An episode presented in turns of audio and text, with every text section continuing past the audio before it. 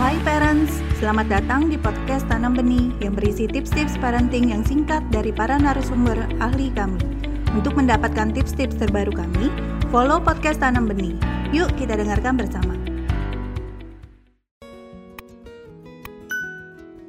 Ketika orang tua menjadi coach bagi anaknya, tentunya ada beberapa manfaat yang akan terjadi. Yang pertama, ketika orang tua berperan sebagai coach, maka orang tua itu akan sungguh-sungguh berusaha untuk mendengarkan anak, sungguh-sungguh berusaha memahami. Nah, yang terjadi adalah anak akan merasa dihargai, anak merasa diterima, anak merasa dimengerti.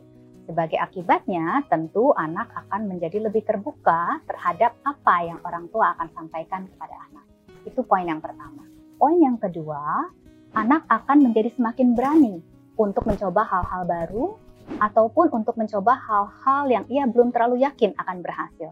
Kenapa? Karena ia yakin bahwa orang tuanya akan bisa menerima dia ketika ia berbuat kesalahan, ketika ia tidak terlalu berhasil dalam apa yang ia usahakan. Dan ini akan menjadi sesuatu yang sangat penting bagi kemampuan dia untuk mau membangun kemandirian. Karena di ke depannya ia akan perlu terlepas dari orang tua dan perlu berusaha berdiri di atas kakinya sendiri. Poin yang terakhir, sebagai orang tua, tentu kita ingin memiliki komunikasi yang baik dan hubungan yang baik dengan anak. Nah, ketika orang tua menjalankan peran sebagai coach, maka komunikasi dan hubungan yang baik ini tentu akan terbentuk karena ada perasaan saling menghargai, saling mengerti, dan juga saling menerima. Terima kasih telah mendengarkan podcast Tanam Benih. Jangan lupa follow podcast Tanam Benih. Tidak pernah ada kata terlambat loh untuk belajar.